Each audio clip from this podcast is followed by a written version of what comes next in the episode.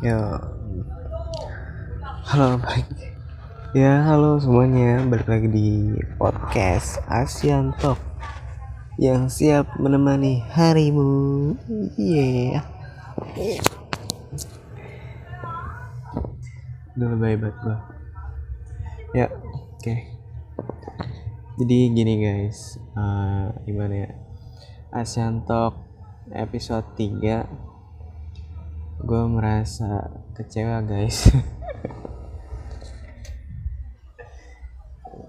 Gue merasa kecewa yang di mana bahkan pendengarnya pun tidak sampai lebih dari 10 orang gitu. Kecewa banget sumpah. Dan ya uh, episode 3 nggak tembus uh, topik di komedi pun gak tembus. Di bagian seni dan hiburan juga gak tembus. Tapi uh, eh, gue sangat berterima kasih bagi uh, teman-teman yang udah mau dengerin podcast Asian Talk ini oke? Okay?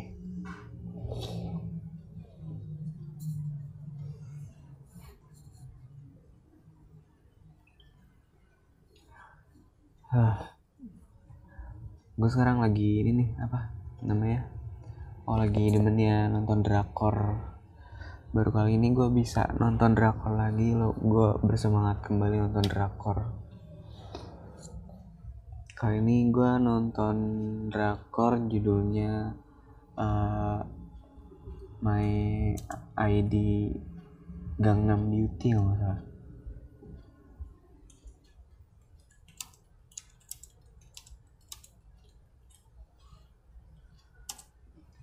itu jadi ceritanya tentang cewek dia apa ya uh, dia nggak percaya diri gitu mulai dari kecil mulai dari SD SMP SMA dia nggak percaya diri sama apa ya sama wajahnya. Dia ngerasa jelek gitu wajahnya. Terus ya akhirnya ketika dia lulus masuk ke kuliah Universitas Hankook tapi kayaknya sih universitasnya negeri gitu kan. Soalnya katanya dia susah masuk dalamnya. Pas mau masuk dia akhirnya merubah wajahnya dengan operasi plastik. Nah kalau yang dilihat sih menurut ceritanya sih operasi plastiknya itu ya apa namanya uh, full gitu.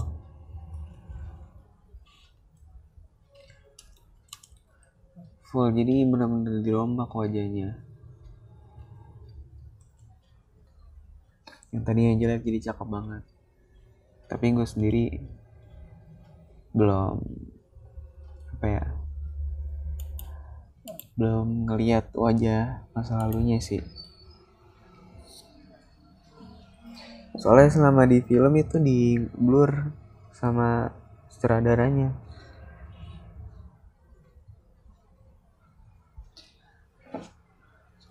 Kayak ngomongin operasi plastik ya. Uh, sih? Gimana ya? Korea Selatan identik banget sama plastik kan. Bahkan dibikin bercanda kan. Apa? Plastik ngidolain kok plastik ya gitu. Itu yang bercandain biasanya anak-anak wibu bawa bawang sih.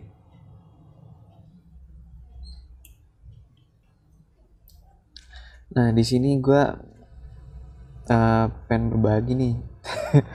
Gue bukan berbagi harga harga apa ya harga harga operasi plastik gitu di Indonesia tapi ini ada gue mendapatkan beberapa fakta unik yang ada di Korea mengenai operasi plastik. Oke langsung aja yang pertama itu harga operasi plastik lebih murah di sono. Lebih murah masa sih? Jadi menurut artikel yang tertulis di liputan6.com Harga operasi plastik di Korea Selatan terbilang lebih murah daripada di Amerika Serikat. Di Korsel, kamu sudah memiliki wajah yang sempurna hanya dengan membayar sekitar 2000 sampai 3000 US dollar atau sekitar 27 juta sampai 30 juta. Murah apanya itu mahal ya Allah. Mahal itu cuy. Kalau murah mah seratus ribu. dua ratus ribu tuh. Murah baru.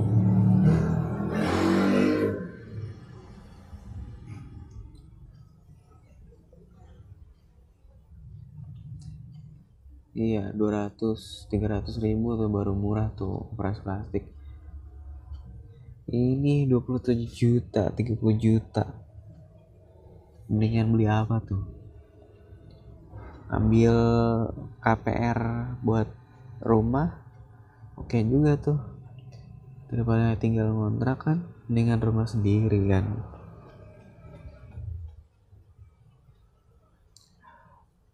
Kalau di Amerika Serikat nih katanya nih kamu harus mengeluarkan biaya cukup besar sekitar uh, 10.000 US dollar atau sekitar 130 juta 37 juta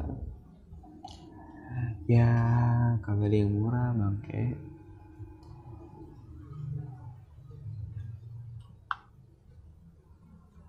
Oh ternyata di Korea Selatan kamu bisa menemukan klinik operasi plastik dengan mudah.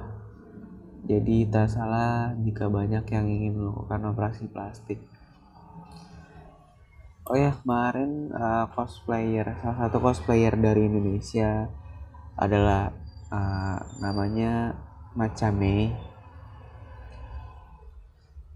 Yang dipanggil Ame dia uh, official cosplayernya Rena di Reon ya.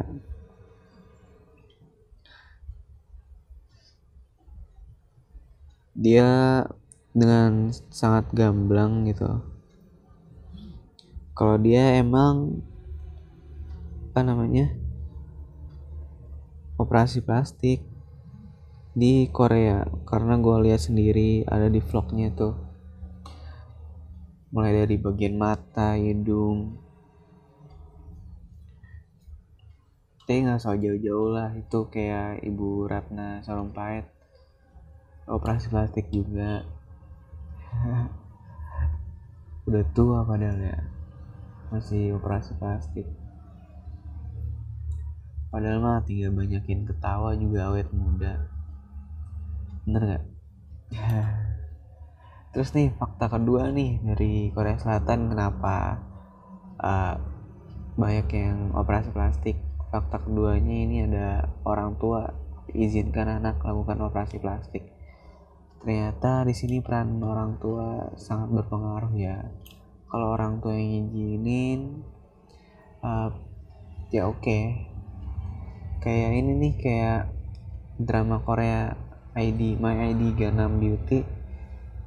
Dia juga diizinin gitu sama orang tuanya untuk operasi plastik. Sebenarnya bukan kedua orang tuanya sih tapi lebih tepatnya ibunya ngizinin untuk operasi plastik. Karena nggak pengen anaknya dibully terus nggak pengen anaknya terus sendiri pengen anaknya punya teman-teman banyak tapi bapaknya begitu tahu fakta kalau wajah anaknya udah berubah bapaknya marah besar nggak nerima segala macam tapi akhirnya ya baikan lagi lah lulu. Sampai bangga sendiri gitu punya anak yang sekarang lebih aktif daripada masa lalunya. Nih bahkan operasi plastik juga sering dijadikan hadiah kelulusan nih faktanya nih hadiah kelulusan untuk seorang anak perempuan. Pada atau hadiah ulang tahun anak mereka yang ke-17 jadi namanya jadi Korea lebih senang dapat hadiah operasi plastik daripada diberikan mobil. Gimana ya kalau mobil bikin macet. Operasi plastik bikin cantik bikin ganteng. Mending mana kan tapi cantik atau ganteng itu sih relatif ya. Tapi seenggaknya kecantikan atau kegantengan itu bisa dijual loh ternyata di zaman sekarang. Nggak cuma mobil aja sih yang dijual. Ya sama sama untung lah ya keduanya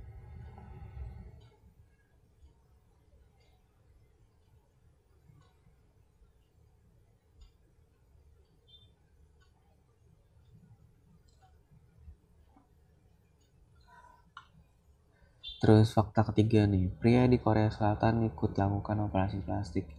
Ya bisa dilihat beberapa apa pria atau cowok di Korea. Mungkin kalian melihatnya wajah mereka kenapa cantik-cantik gitu. Kenapa ganteng-ganteng begitu dibandingin sama foto masa lalunya beda drastis banget. Ya, jadi di Korea Selatan operasi plastik umum dan populer. Bahkan sampai ada khusus untuk pria. Karena 40 pria pengunjung klinik pros, klinik operasi plastik adalah pria. Ah, maksudnya gimana nih kalimatnya? Karena 40 pria pengunjung klinik operasi plastik adalah pria. Ya iyalah kan karena 40 pria. Ini ngitung statistiknya gimana sih? Nih alasan uh, pria melakukan operasi plastik di Korea rata-rata mereka operasi bagian mata biar lebih gede. Padahal kan kalau sipit juga nggak kenapa-napa kan ya? Biar atau biasa aja. Kalau gede ntar jadi kayak anime kan jadi agak gimana gitu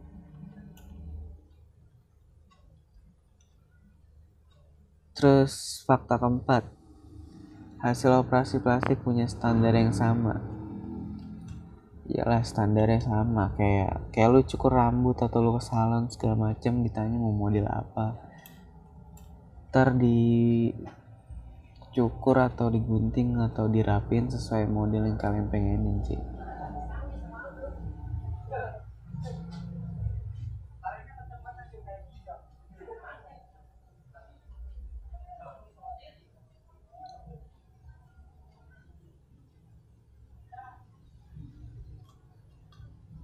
Fakta kelima, setiap pelanggan operasi plastik harus siap menanggung malu. Iyalah, menanggung malu aja jadi bengkak-bengkak gitu kan. Nih, jadi semua operasi plastik akan mengalami kegagalan. Kebanyakan wanita maupun pria akan mengalami kecacatan permanen walaupun kelumpuhan usai operasi dilakukan.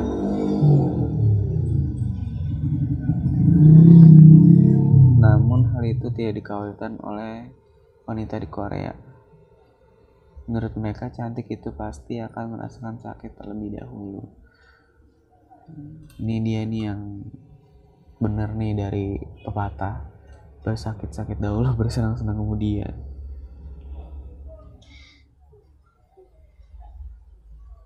Fakta yang mencengangkan. Terus Fakta keenam adalah Oh my god. Korea Selatan lakukan bebas pajak bagi turis yang ingin oplas. Pajak. Gimana ya? Bukan emang gimana? Lo operasi plastik kena pajak juga ya? Ya mungkin lah. Apa gue yang salah? Masa ya ke dokter di sono harus kena pajak sih.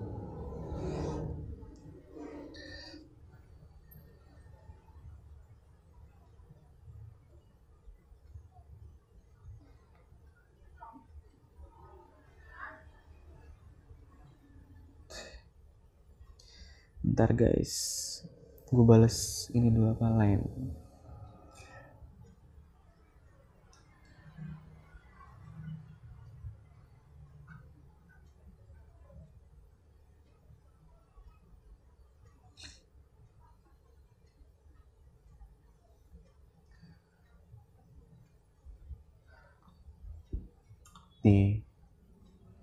Korea Selatan berlakukan membebaskan pajak saat turis ingin melakukan oplas di mana agar bisa bebas pajak mereka harus menunjukkan bukti atau kwitansi operasi plastik sebelum kembali ke negara asal. Oh mungkin misalkan di paspor sama di muka beda ini bisa jadi pengecualian kali ya kalau punya struknya gitu terus kena bebas pajak. Mungkin kalau nggak ada itu kena pajak kali ya. Terus sementara itu Menteri Keuangan Korea Selatan Choi Kyung Han diri mengungkapkan bahwa industri plastik plastik menjadi industri potensial. Aduh kapitalis sekali. Tapi nggak apa-apa sih. Memperkaya Korea Selatan. Padahal cuma operasi plastik cuy bisa membangun negara juga. Aduh pegel banget badan lo diekspor pula. Terus selanjutnya fakta ketujuh. Kemajuan teknologi. Di fakta terakhir ya. Seorang dokter di Korea Selatan disebutkan dapat secara resmi diperbolehkan berganti bidang ke bidang operasi plastik. Ini yang menjadikan alasan mengapa dokter-dokter di Korea disebut sangat ahli dan memiliki alasan belajar ke teknologi-teknologi terbaru pada bidangnya. Waduh, dokter-dokter ahli operasi plastik dikabarkan masih kurang karena banyaknya permintaan operasi plastik di sana wah berabe sih kalau masih baru kan belum profesional karena memenuhi banyaknya permintaan gitu. Bisa gasot.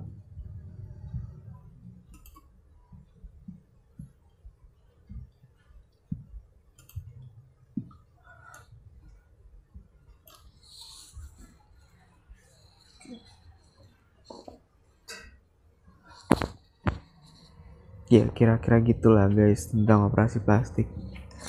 Tapi kalau lu sendiri mau gak sih operasi plastik kalau gue ya kalau gue sih tergantung. Misalkan saran dokternya oke terus gue punya duit ya oke lah. Gue operasi plastik.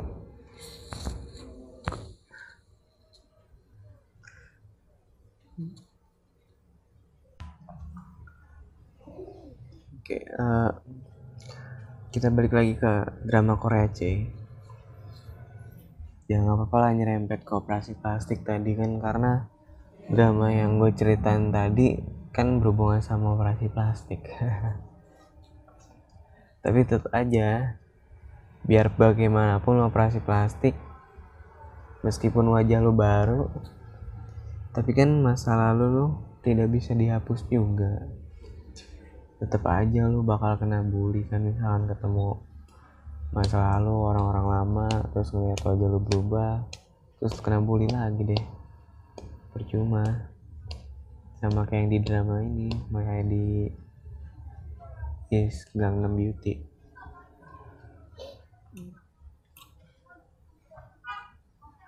Sebenarnya kalau ngomongin drama Korea guys ya gue gelisah gitu gelisah terus ngerasa aneh terus juga kadang ngerasa emosional sekali gue nonton drama Korea. Gue pernah waktu itu sangat kesel nonton drama Korea drama Koreanya episode sampai 20 durasinya satu jam terus di beberapa episode yang berjam-jam gue kesel karena peran antagonisnya ya sangat-sangat kejam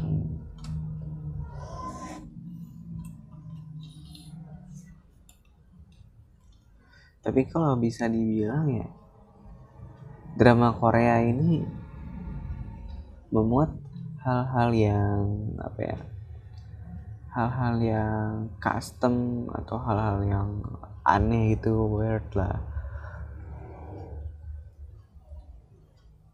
seperti yang dikatakan situs idntimes.com di sini ada 10 hal aneh tapi menarik yang sering kamu temui di drama Korea? Aneh banget sih. Kalau lu pikiran lu terbuka gitu, ya lu biarpun suka drama Korea lu juga lihatlah kelemahannya apa, kelebihannya apa gitu. Tidak hanya menikmati sebuah entertainment, tapi juga pasti ada sesuatu yang bisa kita pelajari gitu.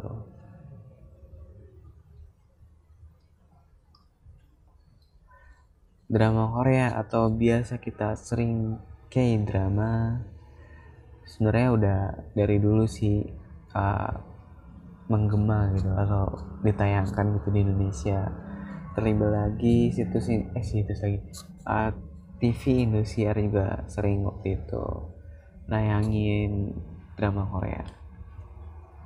Oke, ada 10 keanehan yang ada drama Korea. Itu yang pertama ada pemeran utama laki-laki yang tampan dan gaya. Ya, si tampan dan gaya. Ya biarpun beberapa yang ada cuman sebagai goblin atau malaikat penyebut nyawa tapi mereka kaya. Hartanya dahsyat sekali gitu.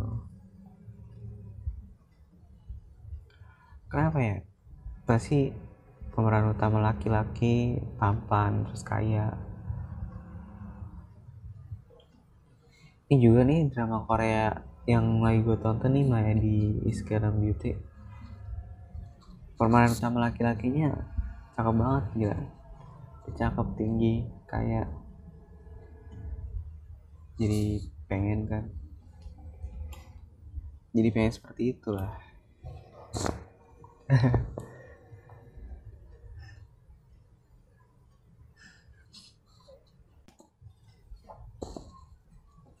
Lu pernah nonton drama Korea gak sih?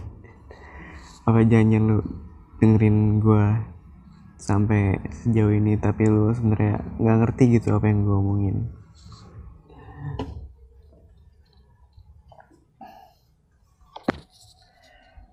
Tapi bener lah ya gue setuju nih. Pemeran utama laki-laki pasti tampan dan kaya. Terus hal aneh kedua nih ya. Pemeran utama perempuan yang miskin tapi dengan wajah yang dipoles make up tebal oh my god. Hampir semua drama Korea sih yang gue tonton ya. Kayak Medis Ganam Beauty sih. Juga seperti itu.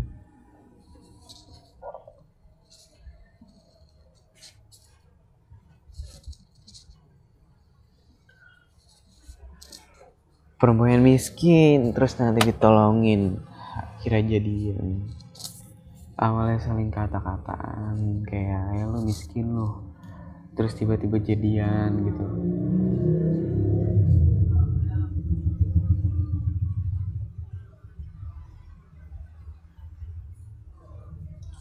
Apa ya? Terus hal-hal yang ketiga itu Pemeran utama perempuan selalu mempunyai handphone merek lokal yang terbaru dan paling mahal. Ya gue liat sih. Hidup sederhana tapi handphonenya Samsung S9 ya. S8, S7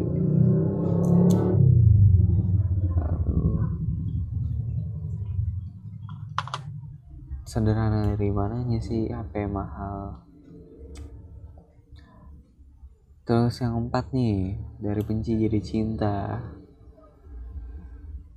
dia antara kaya dan miskin saling kata-kataan benci eh lama-lama jadian makanya lu janganlah membenci sesuatu nanti karena bakal cinta sendiri. Contohnya gue gue dulu benci drama Korea sumpah. Terus gue juga benci K-pop sumpah. Tapi nyatanya apa? Gue sekarang suka K-pop terus gue suka drama Korea ya dari benci jadi cinta. Pokoknya kita jangan sampai membenci sesuatu gitu loh. Peringatan buat para cebong-cebong buat para kampret-kampret. Kalian jangan saling membenci nanti kalian akan menjadi saling mencinta bukankah itu hal yang bagus? Nggak tahu deh. Asal ngomongnya gue terus yang kelima pemeran utama perempuan memiliki rambut pendek dan tidak memakai rok langsung dianggap sebagai laki-laki. Oh ya sih mungkin karena perempuan Korea rata-rata tinggi kali ya jadi dianggap sebagai laki-laki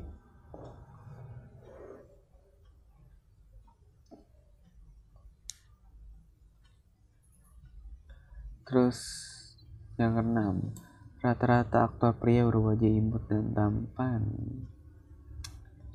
Aduh kalau kata cewek-cewek di Korea atau cewek-cewek yang di Indonesia lah ngeliatnya apa sih langsung nyebut-nyebut kiopta kiopta aduh rahim aku anget nih gitu nggak swat dah. Terus selanjutnya semua aktor dalam drama Korea pasti memiliki tinggi badan lebih dari 170 cm gue pengen banget nih 170 cm apa daya uh, tinggi gue cuman ya kisaran 155 sampai 160 lah. Bahkan gue sama cewek gue kayak lebih tinggi cewek gue dah. Parah padahal dia umurnya lebih muda dari gue tapi gue pendek gitu.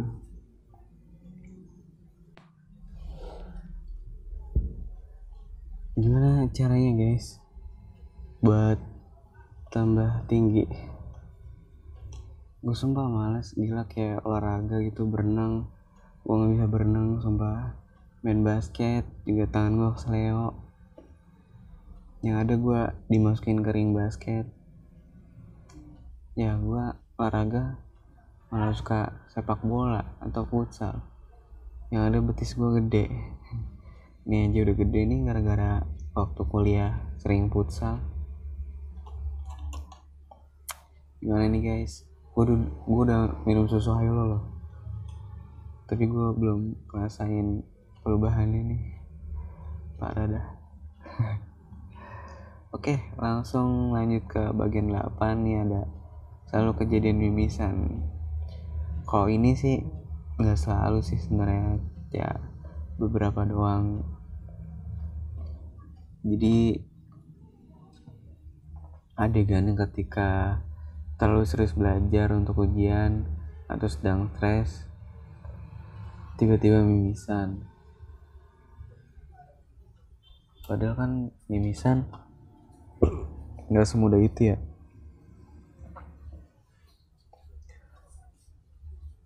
Teman gue aja mimisan nggak sampai setiap hari tuh. Padahal dia pernah mimisan. Terus lanjut ke 9 pria tampan dan kaya selalu jatuh cinta pada wanita sederhana. Hmm, ya masih relate lah sama yang atas. Kenapa dibahas lagi? Terus 10 kebanyakan di akhir dengan happy ending. Tidak semua sih di akhir dengan happy ending gitu.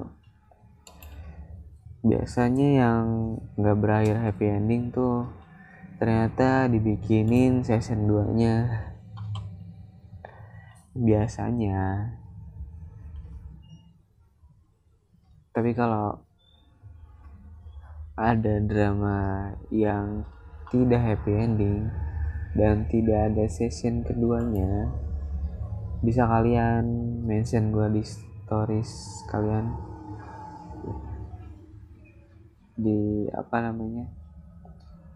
Di ya di stories. Lo update di sana terus jangan lupa tag instagram gue at oke okay?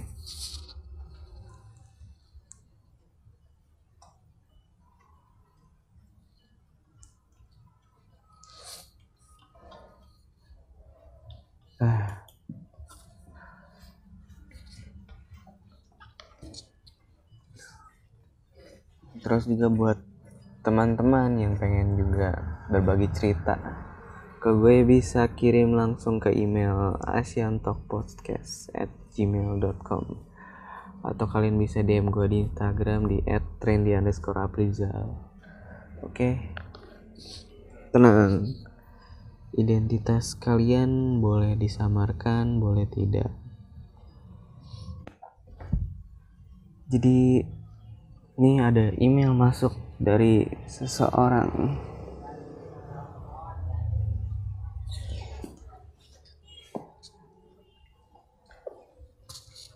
gue tobat nih seorang ini.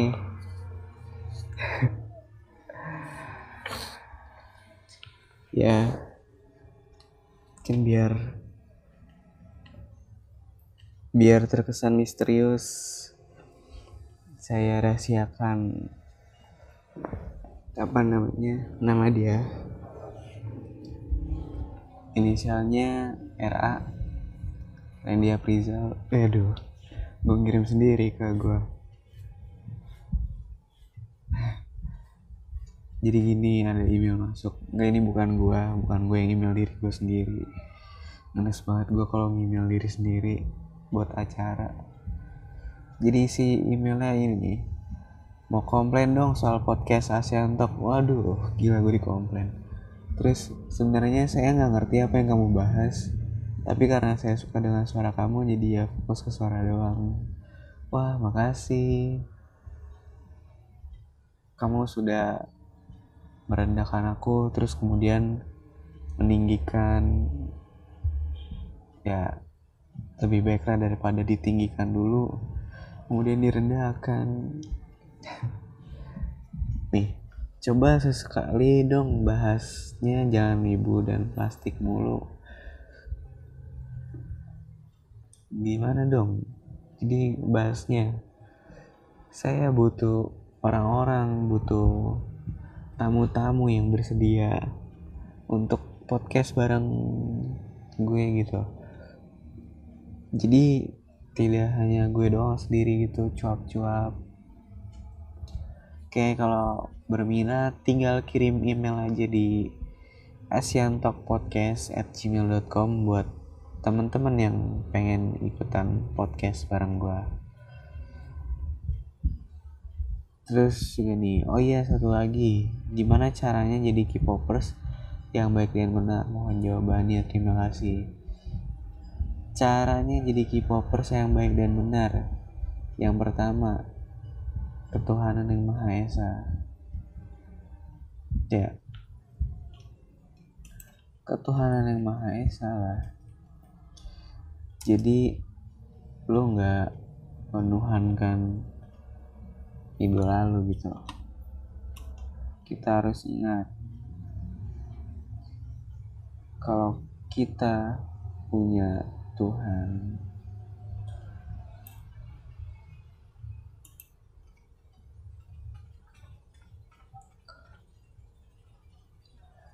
terus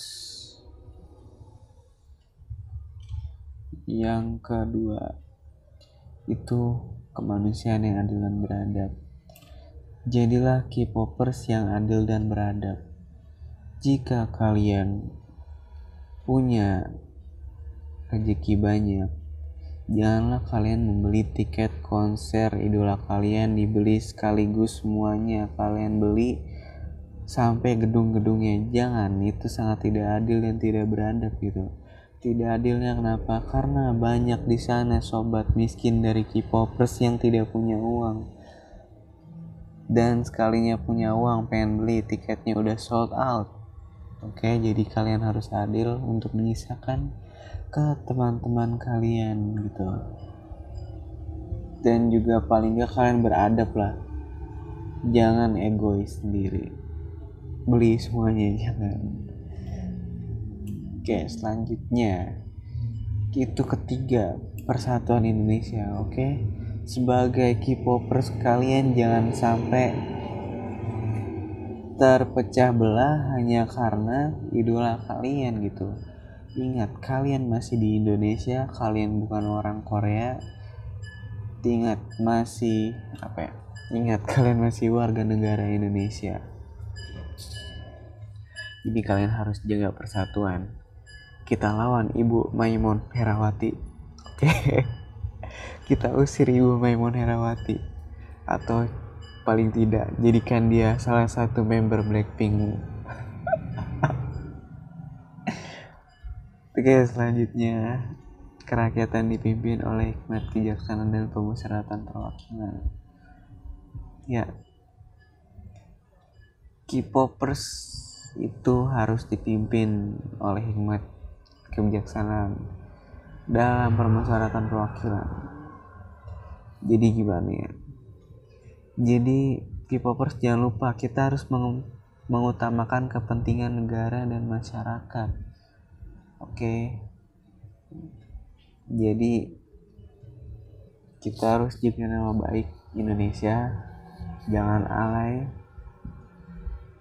Jangan sampai lu bikin video lu beli album terus lu bilang lu pengen masturbasi gara-gara bias lu gitu jangan jangan sampai seperti itu oke okay? yang like yang like Terus selanjutnya itu keadilan sosial bagi seluruh rakyat Indonesia. Ya, benar dong. Harus bersikap adil sebagai seorang K-popper seperti yang gue bilang tadi. Terus jangan sampai kita boros lah, ngeluarin hambur-hamburin duit. Yang lebih baik kita ke panti asuhan, ke panti jompo, kalau perlu ke panti jomblo lah. Kalian masuk kalian terjun ke masyarakat dan sebarkan virus K-pop bagus nggak bagus banget saran gue jangan lupa untuk menghargai hasil karya orang lain. Jangan hanya mendewakan karya dari idola lu atau bias lu oke? Okay? itu. Sekiranya cukup menjawabkan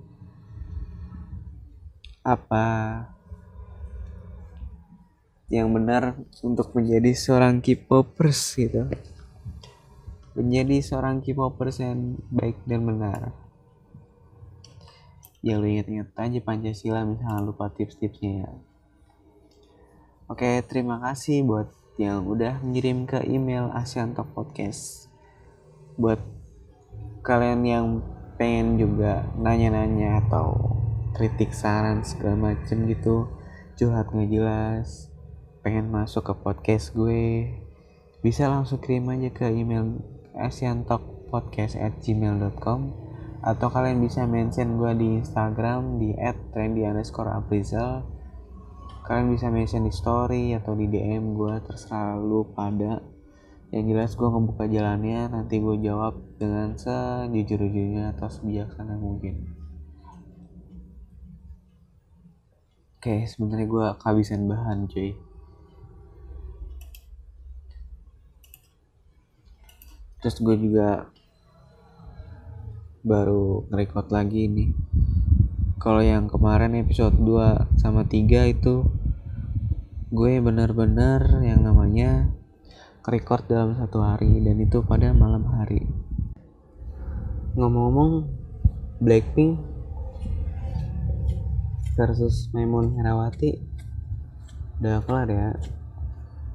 Ibu Memon sepertinya percuma juga ngajuin petisi. Terus juga sepertinya agak sebuah kesalahan gitu untuk petisi tersebut. Sebenarnya melenceng dari tujuan utama. Tujuan utamanya kan pengen mindahin iklan Blackpink di jam selain jam anak-anak. Tapi malah jadi kayak mau ngeblokir gitu dan beritanya juga udah nyampe ke Korea. Langsung dikomentarin sama warganetnya Korea yang tidak jauh beda dengan warganet Indonesia. Bikin malu aja sih. Bukan ya gitulah. Di gosipin sana sini.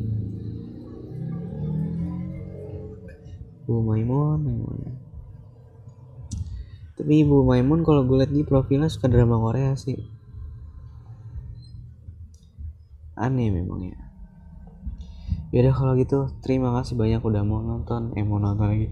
Terima kasih banyak udah mau dengerin podcast ASEAN Talk Dan ya selamat uh, Selamat liburan Dan happy weekend Oke? Okay.